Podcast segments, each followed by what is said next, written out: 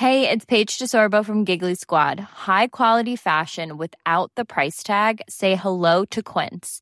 I'm snagging high-end essentials like cozy cashmere sweaters, sleek leather jackets, fine jewelry, and so much more. With Quince being 50 to 80% less than similar brands. And they partner with factories that prioritize safe, ethical, and responsible manufacturing. I love that. Luxury quality within reach. Go to quince.com slash style to get free shipping and 365 day returns on your next order.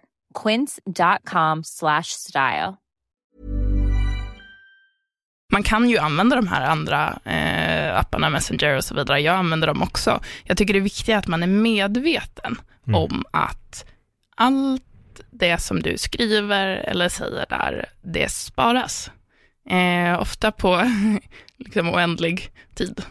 Eh, och det används eh, för marknadsföring, det används för att träna AI, det används eh, till alla möjliga olika eh, syften och i vissa fall används det ju för att påverka dig, alltså genom väldigt, väldigt riktad eh, marknadsföring och eh, hur ditt flöde blir.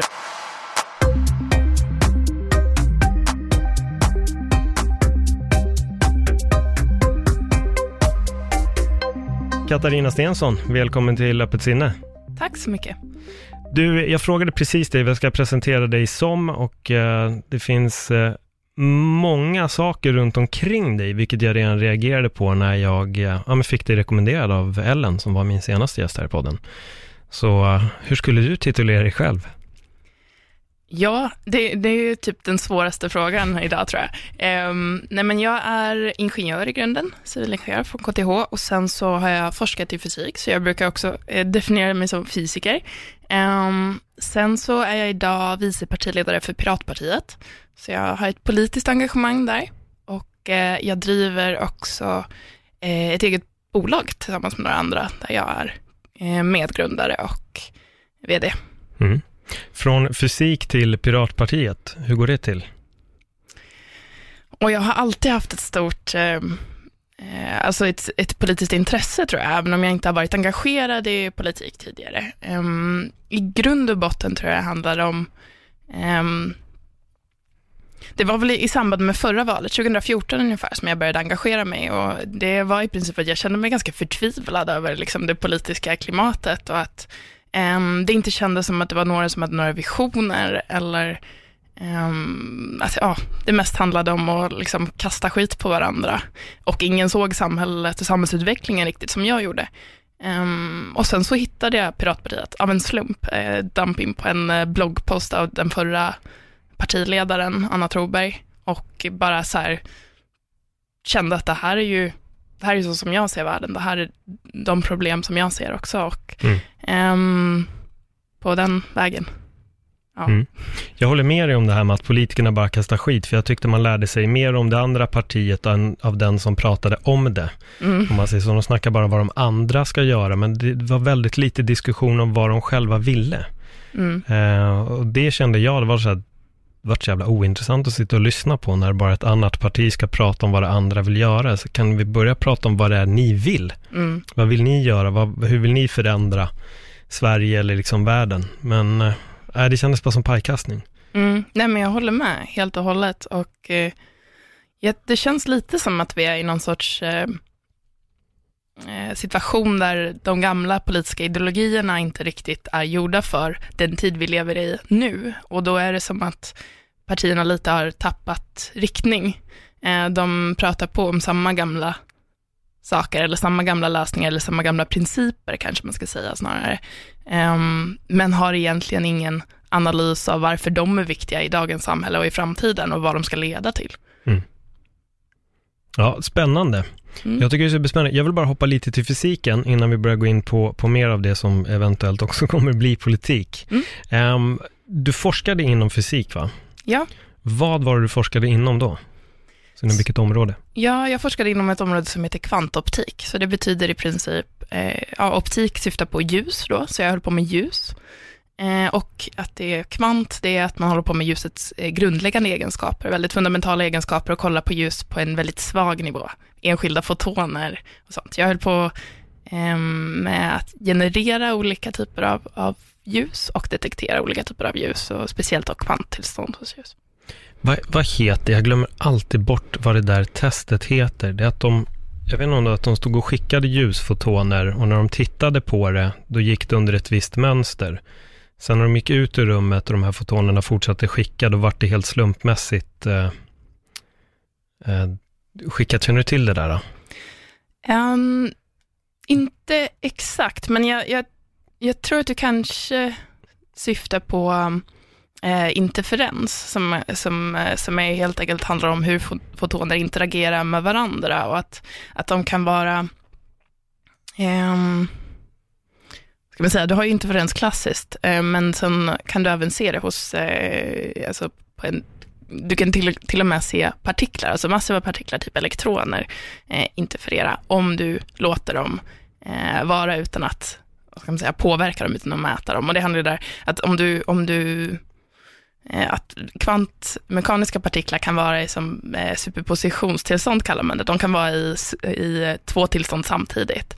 Eh, men om du observer, observerar eller mäter så, så förstör du, då kollapsar du det här tillståndet, för då tar de an det ena eller den andra. Så mm. det är väl det kanske, eh, tänker jag att du syftar ja, på på något sätt. exakt vad det hette. Det, var något, för det, var, det hade just med kvantfysik att göra. Jag vet att just kvantfysik ibland är en sån som kan slå hjärnan i knutar när man mm. börjar tänka på hur de här grejerna funkar. Och det är väl lite det också, typ Interstellar går väl lite ut på det här kvantfysikens lagar också här för mig. Christopher Nolan-filmen när de sticker upp i rymden.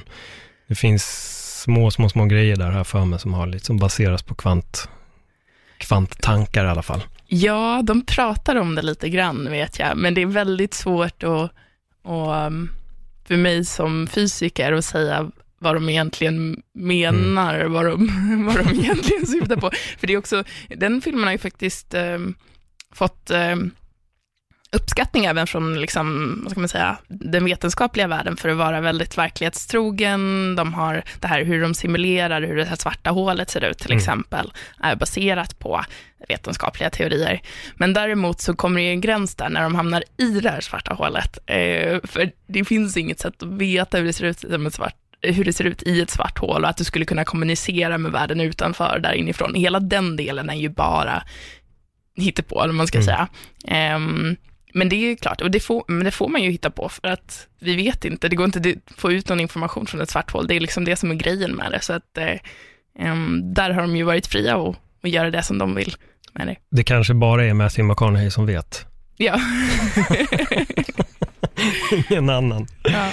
Men du, om vi hoppar in lite mer på, på internet och allting, för vi började prata lite om det när vi stod och tog kaffe här utanför. Då var det just det här som jag sa, att eh, det här med att föra dialog med vissa människor på nätet, till exempel Messenger eller på Instagram, så är det ändå vissa diskussioner som jag kanske föredrar att hålla på till exempel WhatsApp, av den enkla anledningen att det var i alla fall krypterat och ganska stängt. Jag vet inte riktigt om det är det längre. Vet du vad som hände med WhatsApp? För det köptes väl upp av Facebook och då ja. var det väl inte lika hundraprocentigt säkert längre. Alltså, ja, det köptes upp av Facebook och i grunden tror jag att det är samma um fram till nyligen i alla fall så var det fortfarande så att själva samtalen är krypterade. Så att eh, det som sägs i samtalen ska inte Facebook ha, ha tillgång till. Men sen så var det någon nyhet om det här nyligen, om att det kanske skulle ändras. Så att eh, jag vet faktiskt inte. Jag brukar använda Signals, som ju är ett annat, okay. en annan uh, chattklient som är uh, fristående och uh, open source, vilket ofta är en en, en bra grej, för att om du har en öppen källkod så kan flera komma in och granska och se till att det inte finns några kryphål, till exempel. Så att, um, den kan jag rekommendera. Man vill vara helt, om man inte litar på WhatsApp heller längre, så kan man gå till Signal. Ja, jag får ta och ladda ner den, för jag är inte på WhatsApp heller. Och jag frågade ju dig också, ja. är jag för paranoid som tänker så eller inte? Ja, och eh, jag, jag tycker verkligen inte att man behöver, um, det handlar inte riktigt om att vara, paran, att vara, paranoid eller inte. Och man kan ju använda de här andra uh, apparna, Messenger och så vidare. Jag använder dem också. Jag tycker det är viktigt att man är medveten mm. om att allt det som du skriver eller säger där, det sparas. Eh, ofta på liksom oändlig tid. Eh, och det används eh, för marknadsföring, det används för att träna AI, det används eh, till alla möjliga olika eh, syften och i vissa fall används det ju för att påverka dig, alltså genom väldigt, väldigt riktad eh, marknadsföring och eh, hur ditt flöde blir och det man, det man måste tänka på är ju att Ehm, det här på något sätt i slutändan påverkar ditt beteende och dina tankar och eh, ehm, är man medveten om att det sker så har man större möjlighet att kanske värja sig mot sånt som kommer upp i ens flöde, kanske inte agera lika eh, instinktivt utan tänka igenom eh, hur, man, hur man agerar, både inom liksom, vad ska man säga, hur man reagerar på andra. Mm, vi pratade också lite här innan om, om eh, det här att dela saker på sociala medier utan att kanske kolla källor mm. och det ena och det andra. Um, att man blir lite mer, blir man lite mer, mer medveten så blir man kanske lite mer försiktig också i sitt, uh, ja, vad man trycker på för länkar och ja, att mm. uh, du vet också att om varje sak du trycker på, där är någon som tjänar pengar för att du trycker här och där. Vill du stötta det företaget? Då är det okej, men vill du inte det så kan du välja bort det.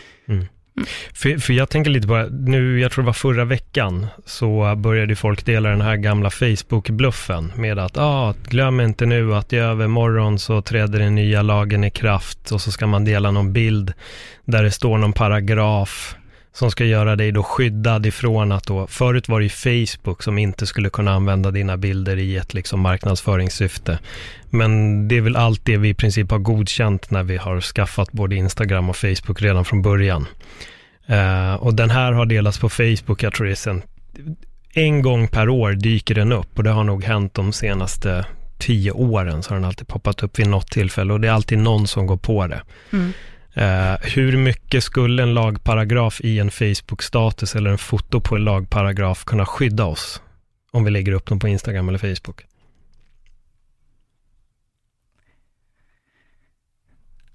Eh, jag, eh, jag vet inte hur jag ska svara på det riktigt. Jag har inte varit med. Jag har inte sett just den där specifika saken som du pratar om. Men generellt sett så är det inte så att ehm, eh, alltså, lagarna, till exempel då GDPR, eh, mm.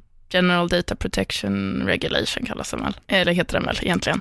Um, det handlar ju om att ge dig lite makt tillbaka som, som användare av de här tjänsterna. Att om din data används på ett sätt som du inte är bekväm med så ska du kunna eh, be företaget att radera den. Du ska eh, kunna eh, ja, mm, ställa dem till svars för om de har brutit mot, mot de regler som finns eh, och så vidare, så att inte företag kan liksom bete sig hur som helst. Så det finns, ju, det finns ju ett syfte med lagarna, men frågan är ju hur mycket du verkligen um, får direkt nytta av dem. Men mm. de är liksom där som, ett, som, ett, uh, som en säkerhet för dig. Um, jag tycker att man ska gå, eller vi i Piratpartiet också tycker att man ska gå lite, lite längre med det här. Till exempel att nu finns det en regel, eller en del i GDPR som, som pratar om att du ska ha rätt att, att, att eh, ladda ner all den data till, som till exempel Facebook har samlat om dig. Eh, så att du i princip ska kunna ta med dig den datan Eh, om du hellre vill att en annan liten konkurrent till Facebook ska kunna eh, förbättra sin verksamhet till exempel, så kan du istället ta med dig datan dit. Eh, men idag så finns det inga, eh, vad ska man säga, eh, praktiska eh, det finns ingen praktisk interoperabilitet, som man ska säga. Det finns inget praktiskt sätt, inget så standardformat för data och datahantering och hur du ska kunna ta med den till ett annat ställe. Så att den här, även om den regeln finns där, så är den inte riktigt till någon nytta för dig idag, utan mest för att du ska kunna veta vad, vad Facebook har för data om dig. Mm. Jag tänker lite på, jag såg den här dokumentären på Netflix väldigt, väldigt nyligen som handlar just om Cambridge Analytica. Mm. I den dokumentären går det ju då dels ut på att den här killen vill få all information som Cambridge Analytica har om honom. Mm. Eh, även om du har sett den eller inte. Jo, jag har faktiskt sett den. Okej. Okay. Eh, är det typ det han har försökt få ut då, enligt då GDPR, nu kanske jag sa fel på bokstävernas ordning där, men är det det han vill få fram? Alltså den infon från dem, alltid de har sparat om honom över, jag vet inte hur länge. Ja, jag tror att han säger där i filmen att han vill få ut vilken data de har sparat om honom mm. och vad de gör med den. Just eh, och eh, i princip så borde han kunna få det. Jag, jag, vet inte varför han inte lyckas i det här. Jag vet inte om det har att göra med Brexit eller jag kommer inte riktigt ihåg vad det var som gjorde heller. Nej, men i princip så borde han, han borde i alla fall kunna få ut vilken data som de har mm. om honom. Det ska han ha rätt till enligt, enligt den lagstiftningen, som du för övrigt sa rätt. Mm, okay, rätt ja, ordning. Bra, bra. um, men och sen så ska man även för, kunna veta hur den lagras och eh, vilka som får tillgång till den om den säljs vidare och sånt där. Mm. Eh, det var väl inte fallet i det, i det här eh, i den här situationen, men, utan eh, möjligtvis att det kan vara svårt att få, få reda på hur de använder det, för då måste de kanske avslöja sina eh, företagshemligheter och sina speciella algoritmer och sånt där. Och det vill de väl kanske inte göra. Och det tror jag inte egentligen lagen stödjer heller. Jag, jag kan den inte ner på detaljnivå, nej, nej. så jag vet inte. Men... För jag tycker den dokumentären är helt otäck alltså. Mm. Hur de verkligen kunde gå in och vrida och det märks att de har ju lyckats manipulera flera val på ett sätt genom att just som de själva säger att deras profileringar av folk, mm. de, de sökte efter vad de som var, amen, ska vi säga, vändbara. Man kunde vända deras politiska åsikter, att man kunde skifta mm. deras politiska ideologi åt ett sätt genom att pumpa ut mängder utav eh, reklam då, då, som skulle göra till exempel hatet mot Hillary Clinton, att man dundrar på med det här. Mm. Och det är någonting som jag kan tycka är lite ibland obehagligt med Facebook och även YouTube lite måste jag säga, att när du väl har börjat titta på någonting så är det bara det som kommer upp. Mm. Förut tyckte jag till exempel när jag kollade på YouTube så kom det alltid upp mycket mer alternativ av saker, men nu är det väldigt riktat. Tittar jag på någonting i två dagar, ja, men då är det fan bara det som dyker upp. Och börjar jag titta på något annat sen, då börjar bara det dyka upp. Det är inte den här, äh, vad ska man säga, stora utbudet av olika ämnen som dyker upp, utan det blir väldigt riktat åt ett håll. Mm. Ja, det där är ju ett resultat av YouTubes algoritmer och de ändrar ju dem mm, kontinuerligt. Så att det har ju helt klart säkert gjorts förändringar sen, sen tidigt i hur, hur saker presenteras för dig och för dem handlar det ju i slutändan om att tjäna så mycket pengar som möjligt. Så eh, de vill att du ska titta så länge som möjligt så att de får in uh, ja, annonsintäkter och eh, tjäna pengar. Så att eh, om de tror att du kommer titta mer genom att du presenteras för mer material av samma typ eller ja, som bygger vidare på det du har sett så kommer de presentera den typen av, mm. av innehåll. Så är det. Ja, det är de där algoritmerna som ska göra nytta och sen kanske ändå inte gör det. Mm. Jag tycker det här är också lite det här, jag brukar säga ibland, och det är nog lite det du som jag fastnade för med dig också, eh, kanske inte bara har med internet att göra, men det är just att internet är på något sätt det tvåeggade svärdet. Eh, det finns en, eh, jag brukar säga det att du kan bli idiot av internet, men du kan också bli hjärnkirurg eller raketforskare. Det väljer mm. verkligen bara vad du söker efter för kunskap. Och du sa, nu minns jag inte exakt citat, men det här med frihet kunskap. Ja, alltså mm, internet är ju en fantastisk möjlighet och i, i, vid internets början så pratade man ju ganska mycket om det här, hur det kunde vara ett verktyg för demokrati ända fram till, vad är det, 2011 eller något, de här revolutionerna i Nordafrika, så pratade man ju fortfarande om hur, hur till exempel Twitter möjliggjorde att man eh, organiserade sig och sånt där och att det var väldigt mycket positiva grejer. Och sen dess så har det ju skiftat om till att vara väldigt mycket negativt om, och mm. man nästan tappar hoppet om internet som demokratiserande kraft, eller vad man ska säga. Um, men ja, det är ju fantastiskt. Det finns ju hur mycket kunskap som helst på nätet som är tillgängligt för Ja, än så länge är det väl bara ungefär halva jordens befolkning, för andra halvan har faktiskt inte tillgång till internet än, vilket är ganska sjukt för oss att tänka, som är så mm. himla vana vid att ha det där. Um, men det är ju en fantastisk möjlighet, ha forskning, ha eh, tillgång till att kunna prata direkt med olika experter som vi kan göra på typ Twitter och liknande. Eh, det är ju också en liksom, eh, fantastisk grej. Och också få, som, som du gör här till exempel, dela mm. med dig av sånt som du tycker är intressant eller eh, um, skapa samtal mellan människor som andra också kan ta del av. Det var ju det var inte möjligt innan internet. Det var ju i så fall, alltså då var det ju genom den traditionella median framför allt och då var det ju några som satt och bestämde vad som skulle vara med. Mm.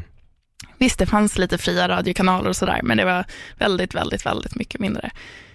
Um, ja, så det, ju, det, finns ju också, en annan möjlighet med internet är ju att eh, eh, sprida makten, både att man kan, man, kan, man kan granska de som har makt på ett annat sätt än vad man kunde tidigare och ifrågasätta, eh, också att man kan faktiskt skapa lösningar där, där fler kan vara med och bestämma, fler kan samarbeta om att skapa nya, ja, men, tänk alla open source-projekt till exempel, där man eh, bygger olika eh, mjukvaror och sånt som, som ja, kan, kan vara till nytta för en massa människor. Det eh, finns andra typer av, av projekt också, eh, där man liksom tar tillvara på eh, Eh, ja, skapa medborgarinflytande i städer och kommuner till exempel genom att ta in eh, folk kan bidra med sina åsikter eller föra diskussioner om vad, vad man bör utveckla i kommunen. Och kan vara. Det finns massa möjligheter till, till liksom att, att göra det mer demokratiskt och att fler kan vara med och bestämma och ha,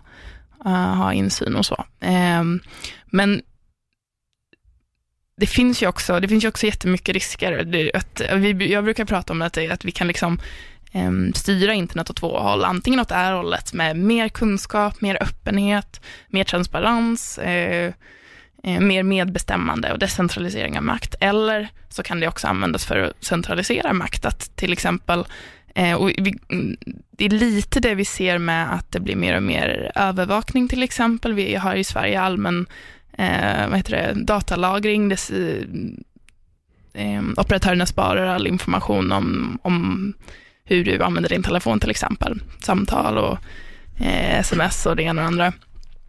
Och eh, hur du också på nätet, mm, att det går att, som, som de stora IT-jättarna gör och många andra också samlar in data om, om hur du beter dig och försöker påverka dig mm, på det. Och vi kan också se att, att de här företagen blir större och större, att det är några få, Facebook, Google, Amazon och vilka det nu är som har väldigt, väldigt, väldigt mycket makt. Det är svårt för för mindre organisationer och bolag att ta sig fram i det.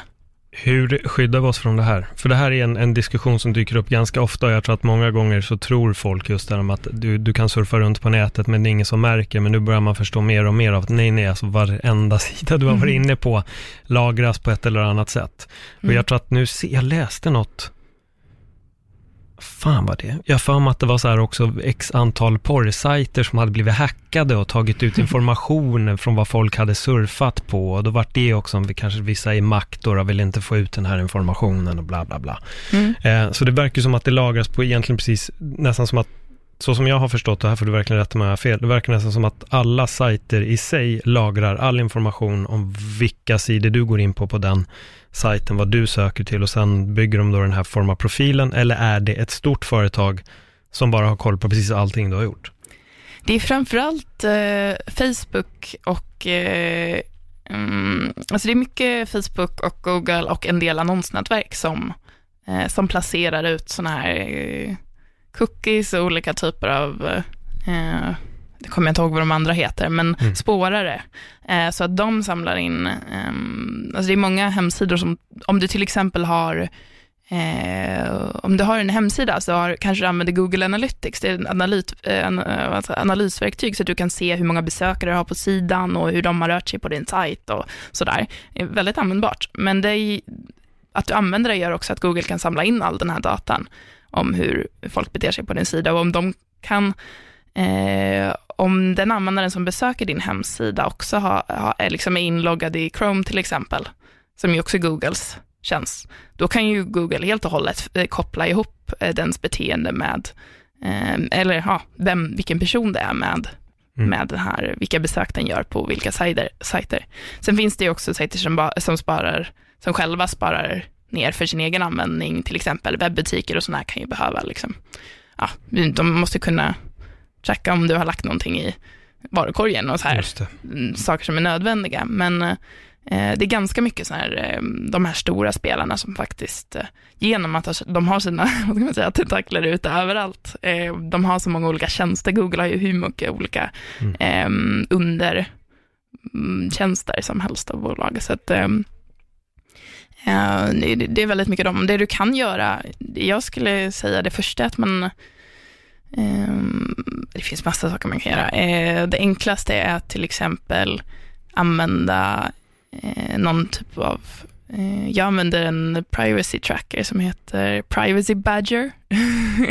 Den är från det är Mozilla som har gjort Firefox de, de, de är ju en icke vinstdrivande organisation. Gör väldigt mycket bra. Så det första jag skulle göra är att använda Firefox som en browser. Eh, och sen så, eh, och inte Chrome. eh, och sen så eh, kan man installera de här eh, blockarna, så de blockar de här eh, spårarna.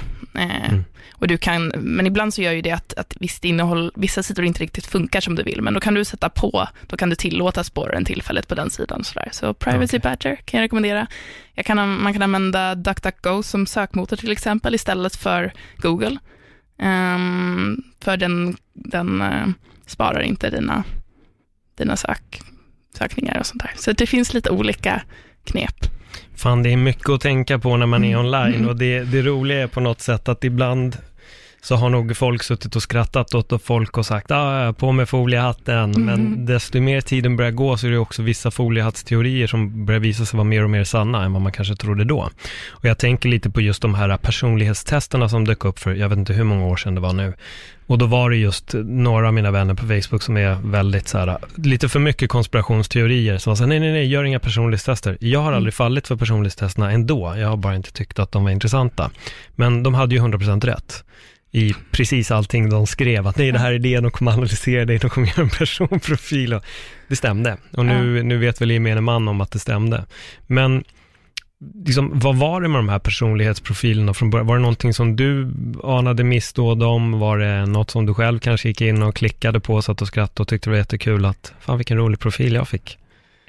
Just det där har jag nog inte gjort, men, men jag var nog själv inte särskilt medveten om det här, om man bara går liksom fem år tillbaka, så, um, så var jag inte det. Så det, det är bara att läsa på lite, så, så, så förstår man. Mm. um, men uh, egentligen handlar det inte, för, för man kan ju också fråga sig, vad är syftet? Alltså vad, vad är om man, är, om man är medveten om att det här sker så kanske man till viss del kan undvika att bli påverkad av, av både om det är annonsering eller olika typer av saker som presenteras eh, för dig på social media. Att i, jag, undvika att reagera alltför impulsivt på det.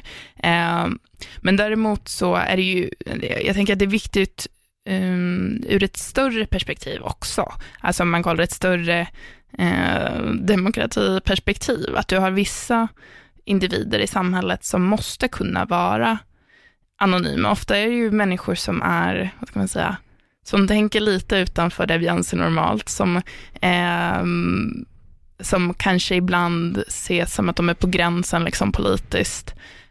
Um, som, ofta är det de som förändrar samhället. Vi har liksom det klassiska exemplet att Nelson Mandela ansågs vara terrorist till exempel ja. eh, i den tiden och vi vet inte riktigt liksom idag vilka det är som kommer förändra världen. Eh, och eh, därför är det viktigt att liksom tillåta det här och också göra det möjligt för till exempel granskande journalister att, att eh, kunna vara anonyma, eller ja, att låta visselblåsare till exempel måste kunna vara anonyma när de, när de ser att Eh, eh om det nu är, mm, vare sig det är företag eller stater som, som beter sig på ett sätt som inte är förenligt med vad vi liksom har för gemensamma demokratiska värden i samhället. Eh, så det är viktigt att man ska kunna, att, att för deras skull, att vi har ett, ett ett samhälle, ett system där, det, där man tillåts vara anonym och där man tillåts vara annorlunda. Eh, mm. Det är positivt i det, i det långa loppet i samhället. Jag tänker på två grejer här nu. Jag kommer börja med den första först och det är Snowden. När du började prata om de här grejerna så började jag direkt tänka på Edward Snowden, visselblåsning. Och han tog ju också upp väldigt mycket om att mobilen hör dig, de ser dig med kameran och, och hela det. Hur, eh, hur sant eller osant är det idag? Om vi säger så? Nej, men det är väldigt sant. Alltså, Edward Snowden, han läckte ju dokument om hur NSA, alltså eh, amerikanska underrättelsetjänsten skulle man kunna säga, mm. hur de övervakades, ja, men dels andra länders invånare, men också sina egna invånare. Eh, generellt, alltså inte bara riktat mot eh, vissa individer som var misstänkta, utan generella liksom, övervakning. Eh, och eh, eh, det är, nej men på frågan om det är sant eller inte, det, det finns eh, konkreta bevis. Han lämnade ju ut konkreta mm. liksom, eh, uppgifter från, för han jobbade ju på NSA innan då. Så att, eh, ja. För där, för där tänker jag också lite på det här, det här med, med att mobilen har dig. Mm. Ibland känns det som att man sitter och pratar om någonting och sen går man in på nätet och så börjar det dyka upp som rekommendationer. Typ resor, en bok eller en film man har pratat mm. om och så bara, jaha, där är den. Mm. Eh, har våra mobiler oss? Eh, korta svaret är ja. Alltså det, beror, det är lite olika olika tjänster, men det är väldigt många tjänster som du har gett till, tillgång till din mikrofon. Mm. Säkert till exempel Messenger för att för att de, du kan ju köra samtal via Messenger också, liksom, så de måste ha tillgång till din mikrofon. Mm. Men nu har inte jag koll på om just Messenger faktiskt sparar din data. Jag tror att det är sånt man, jag vet inte heller om, om jag har inte kollat i detalj om man kan ställa in, eh, göra inställningar om vad de gör med den. Men eh, det finns helt klart tjänster som, som sparar din röstdata också. Alltså jag, jag var faktiskt på en konferens i somras eh, om Eh, privacy enhancing technologies heter den, så just teknologier som ska kunna hjälpa dig att, att vara faktiskt privat på nätet. Eh, och eh, då, prat, då var det en som pratade om sådana här, eh, vad heter de, Google Home och de här, Alexa och allting, alltså sådana här, gud vad heter det, eh, sådana här röststyrda grejer du har i ditt hem och så kan du säga åt dem att göra saker. Um, de sparar ju, han presenterade då vad de sparar för information och hur medvetna folk är om det. Och i, princip sparar de ju allting som sägs i, i ditt hem, inte bara när du pratar med den, utan alltid när du pratar mm. i ditt hem. Eh, och de sparar det på eh, obegränsad tid. Um, du kan stänga av, du kan liksom kontrollera, alltså stänga av vissa sådana där eh, saker eller be att få det eh, raderat eller det ena och det andra. Men eh, det är inte så många som är medvetna om det. Eh, vi har ju pratat lite om så här att ha, likt, likadant som du har innehållsförteckningar på mat till exempel, ursprungsmärkning och sånt där, så borde man ha märkning på den typen av produkter där det står vilken information lagras om dig, hur länge lagras den, vilket företag är det som lagrar den, vad, vad används den till och eh, vad, eh, ja, men vilka får tillgång till den och så. Mm. För det där är något som jag har tänkt på även när det gäller bilar och sånt. Att de blir mer och mer då uppkopplade till nätet och då har jag börjat tänka, men fan, du kan ju teoretiskt sett hacka en bil och köra ut den för ett stup om du liksom vill. Ja. Uh, och det kanske man kan då. då. ja, för ja, eh, roligt att du sa det, för jag satt faktiskt och pratade med min pappa om det igår, ja, eller han okay. sa samma sak. ja. um, angående så smarta städer och grejer. Uh, och uh, det, ja, de har ju säkert bra säkerhet, men i princip så, så är ju det möjligt. Jag menar, det är ju svårt. Du kan ju aldrig i princip säga att du är 100% skyddad eller att någonting är 100% säkert. Nej. Så, ja. Obehagligt. Jag vill tillbaka till en grej bara. Eh, det var lite i det här med då frihet till kunskap och allting. Mm. Jag tänker lite i det politiska klimatet, så det är väldigt många som säger att det finns ingen åsiktsfrihet längre i Sverige. Mm. Eh, vilket jag tycker är otroligt roligt med tanke på att de här personerna säger exakt vad de vill på alla sina medier och menar mm. då att de är ungefär censurerade. Vilket de uppenbarligen inte är, som att rösten kommer ut. Men jag såg en sån rolig, det var, det var så kul, det var en kvinna, jag vet inte exakt när det här var, hon hade röstat på SD, hon blir intervjuad i SVT och då menar hon då, det finns ingen åsiktsfrihet längre i Sverige. Eh, vi får inte säga vad vi vill någonstans och det vi tycker och tänker, det kommer inte fram. Och så var det så här, det här är höjden av ironin. Du menar att det, är åsikts, det finns ingen åsiktsfrihet i Sverige längre, men du blir intervjuad av Sveriges största mm. medie i SVT. Du får ut din röst just nu till hela svenska befolkningen. Men du menar att det går inte. Och hon var fortfarande helt övertygad om sin sak. Och det är ungefär när du har sanningen i form av en kamera och en tv som stirrar i ansiktet, så tycker man ändå att vi får absolut inte säga vad vi tycker och tänker längre. Mm. Men uh, de har blivit ipumpade det meddelandet av någon. Ja. Så repeterar de. Exakt. Um, nej, jag tycker att, uh, alltså det är klart att det finns en massa normer i samhället om vad, um, vad som anses bra eller inte, men det finns ju också olika grupperingar i samhället. Uh, det kan man ju inte bortse ifrån, där det är, saker är olika okej okay inom olika mm. grupper.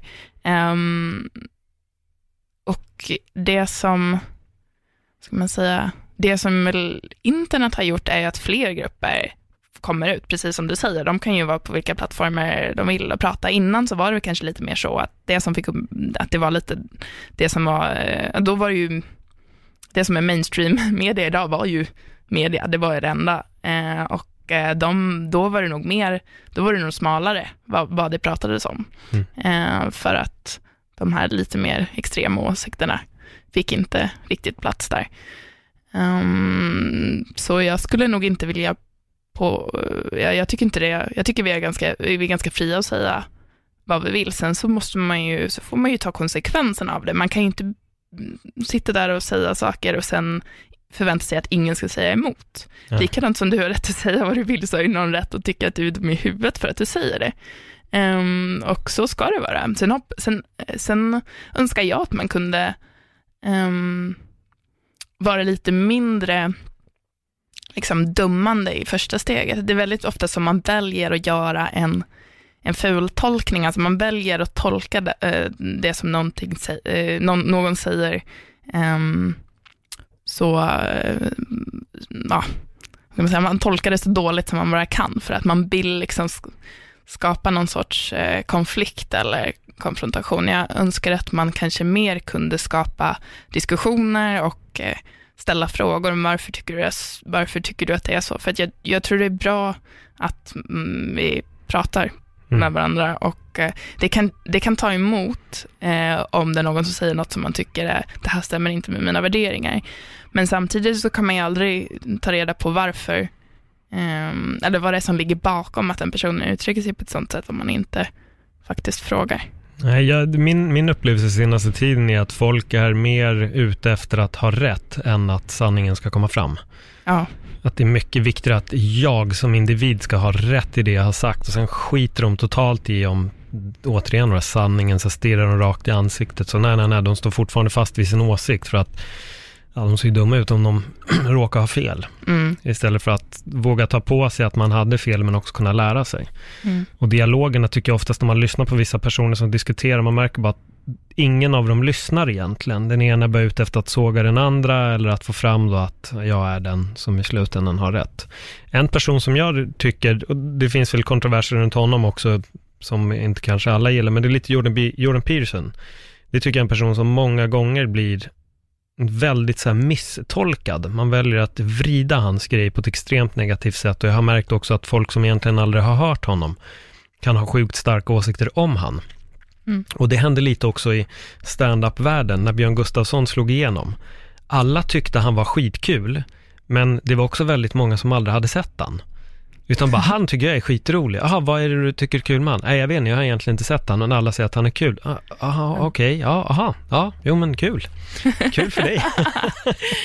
ja, ja, jo men så är det nog. Jag, eller ja, det, det, det, har väl kanske också lite att göra med det här med vilka grupper man på något sätt vill tillhöra och vad mm. som är okej att tycka i de grupperna. Alltså om man är Eh, om man ser sig som feminist så är det i många fall inte okej okay att tycka att Jordan Peterson har någonting, vett, någonting vettigt i, sina, eh, i det han säger.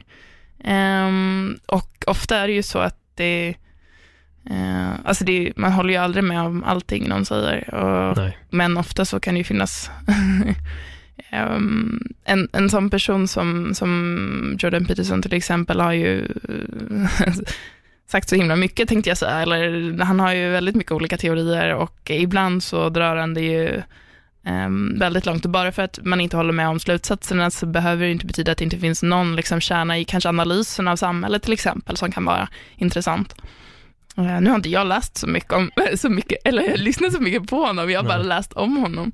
Så jag ska inte uttala mig i den frågan, i just honom som person. Men, men ja, det, den, den, eh, jag känner igen det, den situationen som du säger, att man uttalar sig om någonting mm. utan egentligen veta så mycket om vad det faktiskt Ja, men, och jag har själv gjort det. Det är det som är grejen. Jag har själv haft åsikter ibland och så egentligen har jag inte hört personen, men jag har en åsikt om att någon annan har pratat om personen och så har jag bara varit benägen att hålla med.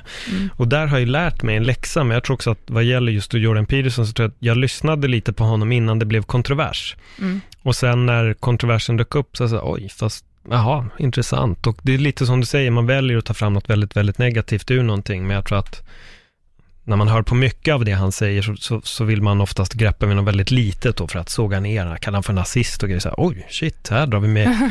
Men det är nog också för att jag tycker att dialogen är intressant. Alltså jag, jag tycker det är intressantare att föra en diskussion än att bara sitta och kanske slakta människor. Sen i min podd så kan jag säga att jag skulle inte bjuda in en person om jag inte finner något intresse i den personen eller tycker att allt den säger är goja liksom. Mm. Men samtidigt så tror jag nog att de, de bästa så de bästa konversationerna är när det blir en konversation. Att kanske gå in och inte sitta med en förutfattad mening med en person. Och det är där jag tror att Jordan Peterson blir, blir lite extra intressant. För att det är väldigt många ofta som har en sån jävla stark åsikt om honom som ska intervjua han. Mm. Och så ska de förklara för honom hur han är. Ja. Men det är så lätt att förklara vem du är när någon annan har kanske inte riktigt vet vem du är. Då blir det ganska lätt att bryta sig ifrån den, den biten. Mm. Får jag fråga dig också Mm. då, om du, nu, om du hade lyssnat på honom en del innan, Mm. innan det, han blev så kontroversiell, fick du då, för det är en annan intressant aspekt, fick du negativa, eh, kände du att du blev dömd för att, om du, om du uttryckte att någonting han sa var vettigt till exempel, eller åt det ena och andra hållet? För det, det är någonting som är, man kan se annars lite, att man, man inte får. Ja, alltså nu, du var inne lite på det här med att dela grejer på, på nätet. Jag är inte Mm. jätteduktig på att dela grejer, men jag är skitbra på att dela det jag själv producerar. Och det är väl lite så mina verktyg funkar. Mm. Eh, sen finns det ju tankar och åsikter. Nu har inte jag lyssnat på precis allting som han har gjort och jag sitter ju inte och är liksom en så oh yeah, Jordan Peterson. det, det är inte på den nivån, men jag har hört väldigt intressanta samtal med honom som har fått mig att själv så här, fan, shit, han, det är väldigt intressant att lyssna på honom när han konverserar med någon som inte är ute efter att såga honom. Då blir det väldigt spännande, men sen kan jag väl, alltså vad ska vi säga, jag tror att ibland, ibland får jag känslan av att när han säger något om en kvinna, då dömer de ut honom totalt för att han råkar säga hur det kan se ut i vissa fall. Jag tror att det var någon gång så sa han, och det här kommer jag ju totalt slakta, men han förklarade varför det fanns färre kvinnliga chefer. Och då säger han att många av de som blir chefer får sen barn och de kanske lämnar yrkesrollen, de värnar mer om att vara mamma. Och då säger han, fast det kanske också är hon som gör rätt. Det kanske är mannen som gör fel, som fortsätter att jobba och liksom gå in i den här eviga loopen med jobb och kanske skiter i familjen. Han bara, det, det kan lika gärna vara kvinnan som faktiskt, hon tar egentligen det korrekta beslutet. Men det någonstans har folk då skitit i att lyssna på. Mm. Att hon har tjänat sina pengar och hon är nöjd där och nu vill hon istället vara med familjen medan mannen då kanske är en korkade som fortsätter jobba och inte är med familjen, inte är med frun och, och då har folk sneat ur på att, ja men vadå, fast Ja, jag vet inte. Han, sitter ju, han menar ju att han sitter med någon form av forskning. Jag har inte granskat den forskningen och det är inte, det är inte de diskussionerna från honom som jag har känt har varit sådana som jag har tyckt har varit jävligt bra. Eh, Ibland. Men jag är nog lite så, jag ser nog alla, alla, det finns massa lärare där ute och ja, Mm. jag vet Ja, inte. det kanske kommer tillbaka till det här med heter det, källkritik och, och, och inte, inte reagera för impulsivt på saker, utan faktiskt eh, tänka till lite själv också. Mm. Och vad kommer, hur kommer det sig att, att eh, han säger så här och vad kan det finnas för forskning bakom och eh, vad finns det för motargument och vad baseras de på? Och så vidare. Mm. Att man får vara lite mer, ehm, lite mindre impulsiv, lite Mm. mer eftertänksam ibland. Ja. Men sen som sagt, jag sitter inte där, nu sa han det här, Mm. lär er. Men som sagt, nej, men jag, gillar, jag gillar konversationer och det är väl det jag på något sätt också vill återspegla här. Mm. Att det ska kunna bli en, bli intressanta konvers- konversationer. Mm. Men då kanske det här betyder att du kommer lyssna på Jordan Peterson och se, vad säger han egentligen? jag kanske vill göra det. Det finns ju, men det finns ju som du säger jättemånga olika, Mm. det finns så mycket, eh, tillbaka till, finns så mycket kunskap på nätet. Alltså det, nej finns, verkligen. det är fantastiskt hur man, om man gillar att lära sig så Mm. är det ju bara som en oändlig, man blir nästan frustrerad av att man inte Ja. hinner.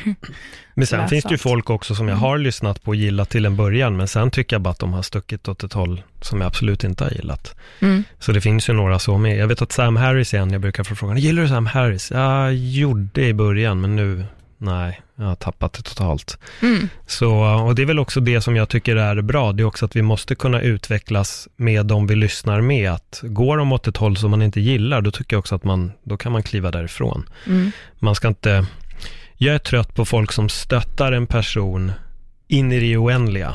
Mm. Alltså typ som Trump-supportrar. Det spelar ingen roll hur mycket fel han gör. Det är skitbra i alla fall.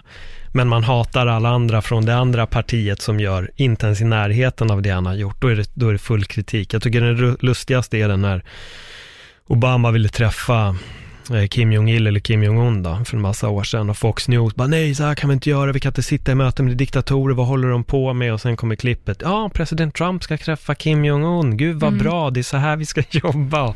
ah, okej, okay, okej, okay. då vänder vi på det. Men hur ser internet ut om tio år tror du? Det beror på vilka som får, vilka som får styra utvecklingen, tänkte jag säga. Um, jag tror att det finns en risk att uh, det blir, att det fortsätter gå åt det håll som det har gått åt nu. Alltså att det, det blir fler, eh, att det fortsätter vara några stora aktörer som får mer och mer makt och internet på något sätt blir mer och mer uppdelat, skulle man kunna säga. Man, internet är ju på ett sätt eh, gränslöst. Alltså det har inte våra geografiska gränser och man kan göra, man kan liksom mm, prata med folk på andra sidan världen, man kan handla från andra sidan världen och eh, så. Men så, ett steg i taget så har, ju, har man ju satt upp olika typer av hinder för det här, alltså regleringar, oftast politiskt då, som, som gör att eh, du till exempel inte kan kolla på streams från vilket land som helst för på grund av upphovsrättsskydd um, uh, så har man det som kallas för geoblocking. Mm. Um, det, om vi kollar på till exempel Kina så har ju de i princip eh, avgränsat sitt internet från resten av internet. Man brukar kalla det för eh, the great firewall of China. för att det, eh, ja, de har satt upp olika typer av regleringar som gör att de måste kunna, de vill kunna tracka alla. I Kina så spårar man i princip allting som alla gör och de stora företagen i Kina som äger olika typer av eh, chatttjänster, betaltjänster och sociala medietjänster, de är i princip i, det är, det är svårt att skilja dem från, från eh, vad heter det, alltså de, den högsta politiska makten. Mm. Uh, och uh, det är så mycket censur uh, och så mycket olika filter och blockeringar så att de har nästan skapat sitt eget liksom, internet så frånskilt resten.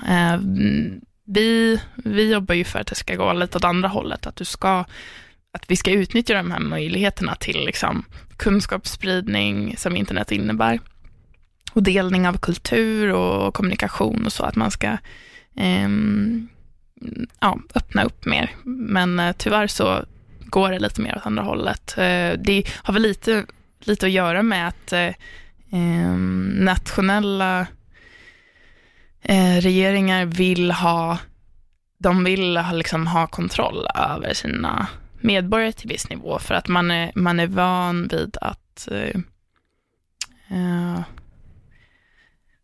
ska man säga, att rättsväsendet till exempel ska kunna agera med alla de verktyg som finns tillgängliga. Och nu finns det, liksom, i och med internet, så finns det möjligheter att uh, till exempel övervaka människors beteende och uh, Um, hur de rör sig. Nu över mer och mer liksom, kameror och sånt som kopplar upp också till nätet. Man kan se hur folk rör sig till och med i den fysiska världen.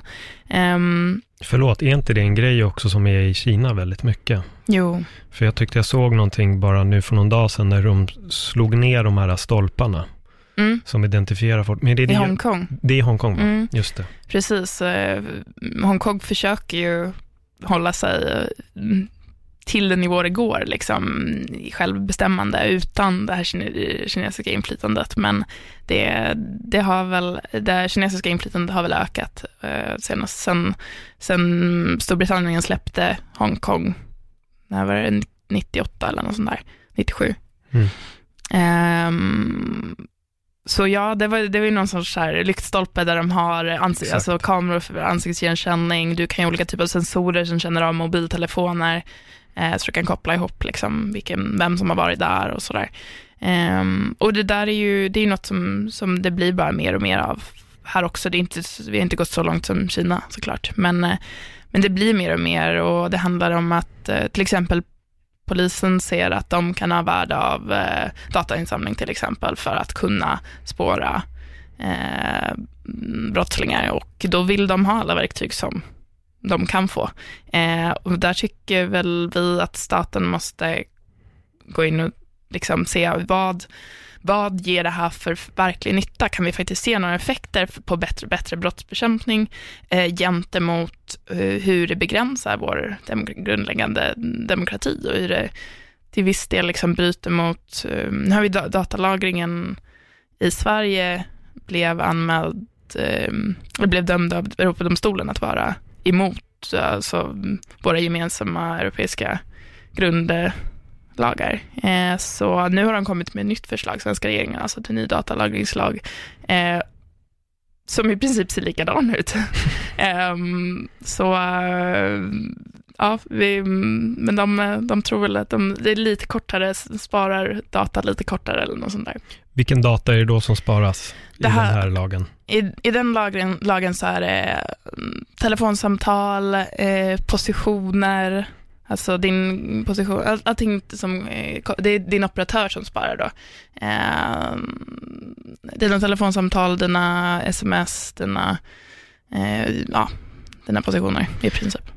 Okej, för att klargöra, telefonsamtal, vad menas med det? Alltså är telefonsamtalet inspelat eller är det bara liksom mm. att samtalet har skett under en viss tid på den här positionen? Och...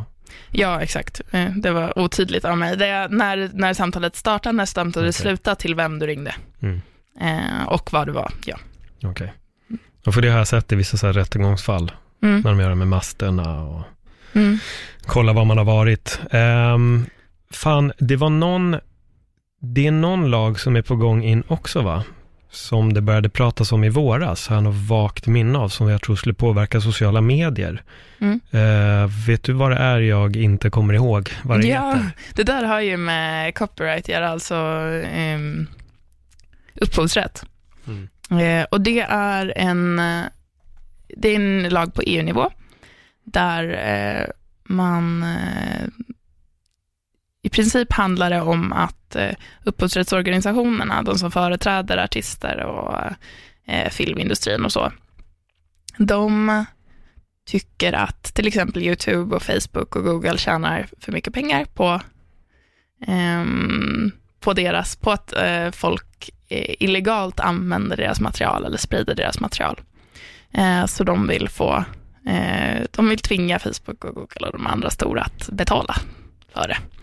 Eh, problemet, eller vad kan man säga, det här är en, eh, en ganska stor eh, upphovsrättsreform, så den innehåller jättemånga olika delar, men det man, som har blivit mest eh, uppmärksammat är artikel 11 och 13. Eh, och 13 handlar om just det här. Ehm, och det den säger är i princip att istället för att det är du som är ansvarig, alltså som, som ska ställas till svars, om du delar upphovsrättsskyddat material, så är det plattformen som är ansvarig. Eh, eh, vilket innebär att eh, om du delar en film som du inte har rätt till så kan Facebook bli stämda av den som äger filmen. Eh, och eh, det Eftersom att det är så himla mycket material som delas på sociala medier så innebär det att eh, det enda den enda, lös enda sättet Facebook skulle kunna hindra att det här sker hela tiden är ju att de inför någon typ av eh, uppladdningsfilter. Alltså att innan du kan ladda upp, alltså du begär att få ladda upp någonting men det måste kontrolleras av en algoritm först och matchas till någon databas med, mm. med alla verk i hela världen. Oh, för att se om du har rätt att dela det här eller inte.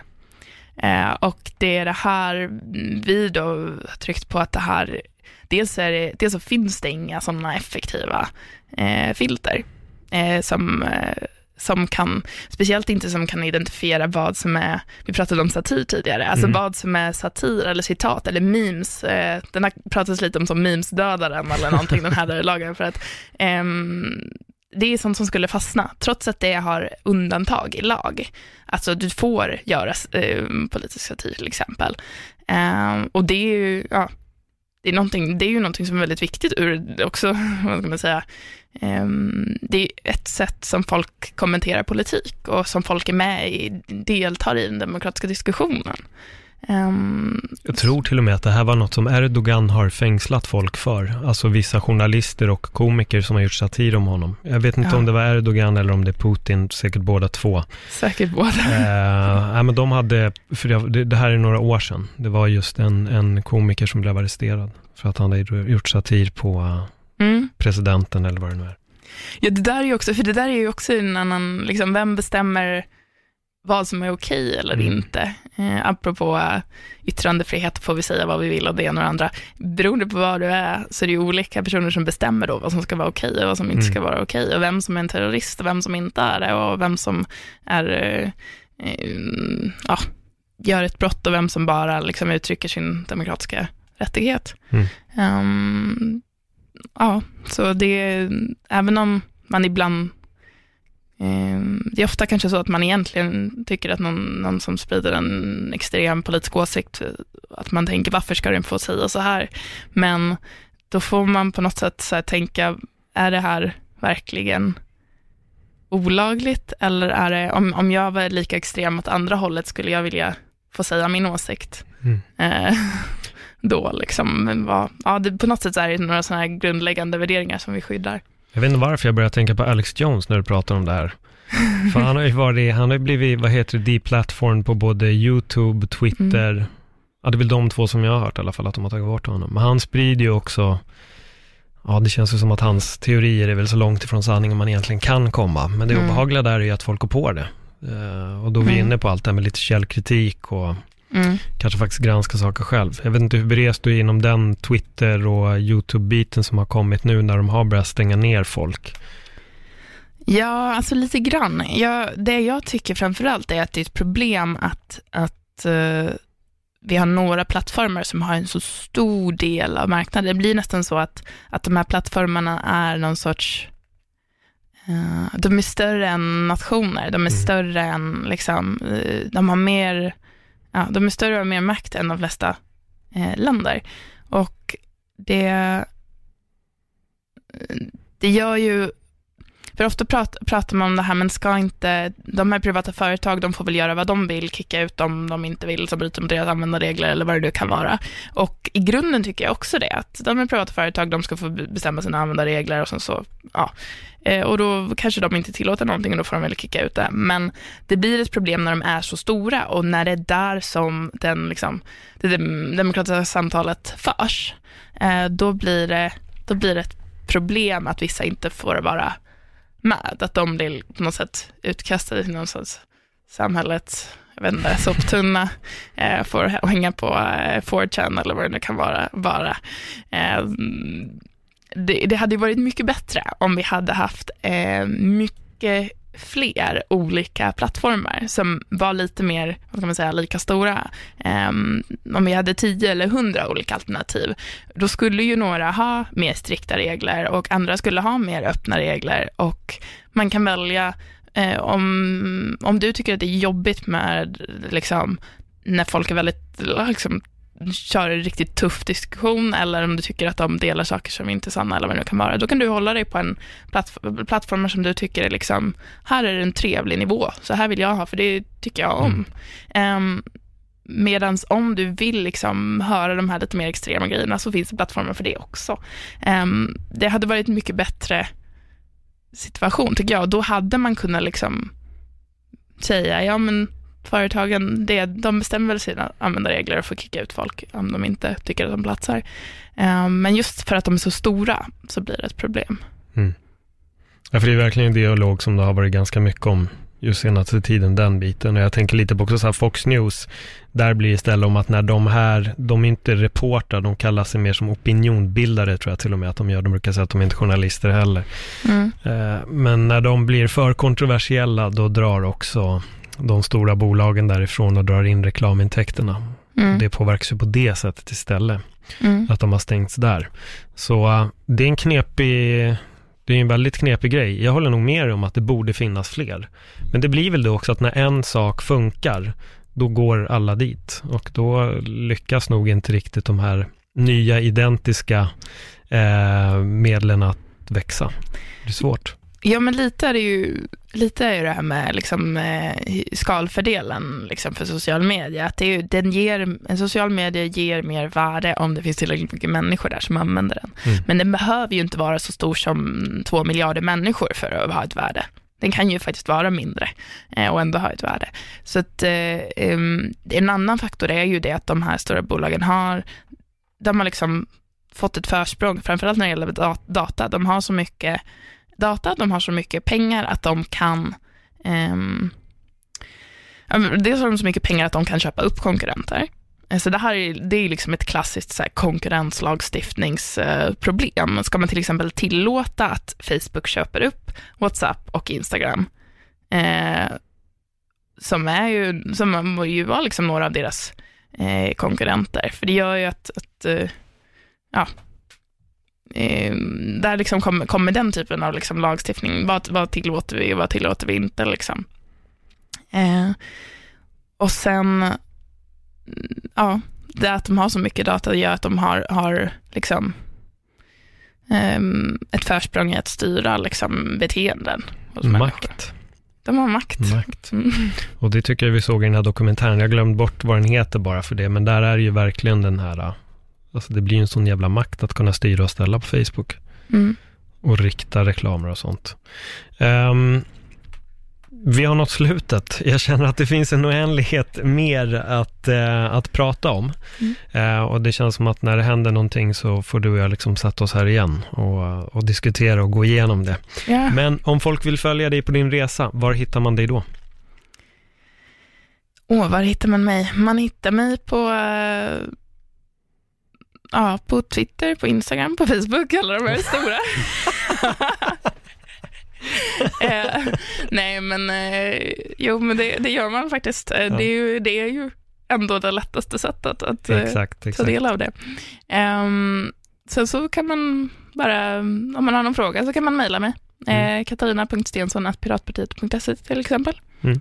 Ehm, och ehm, ja, jag ska vara med på lite alla möjliga andra saker nu. Snart ska jag prata om nästan exakt de här sakerna på Gather Festival som är nu 12 september.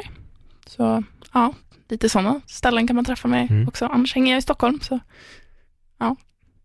Spännande. Alltså, tack för ett eh, jättebra samtal.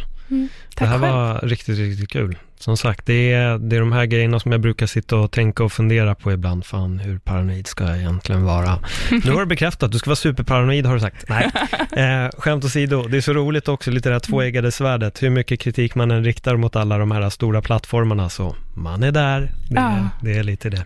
Och vi kommer väl fortsätta vara där tills det börjar dyka upp fler eller någonting annat. Annars kan man ju backa bandet och gå tillbaka till typ Playahead eller Citysurf eller några av de här riktigt gamla eh, sociala forumerna. Ja, det finns ju, finns ju massa nya också. Man får bara, um, de är bara lite svårare att hitta. Precis. Men en sista grej bara. Mm. Vad hette den här WhatsApp-alternativet som du rekommenderade? Eh, Signal. Signal. Bra. Mm. Där avslutar vi. Jag ska ta ner den för eh, jag är i alla fall lite paranoid till och från. Återigen Katarina Stensson, tack så jättemycket för att du ville komma in. Mm, tack själv. Tack. Hej då gott folk!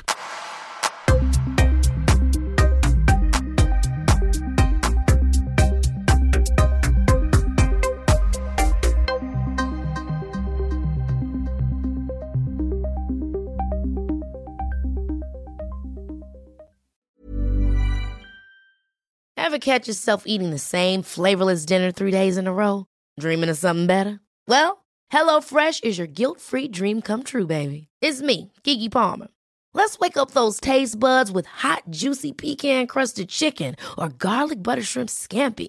Mm. Hello Fresh. Stop dreaming of all the delicious possibilities and dig in at HelloFresh.com. Let's get this dinner party started.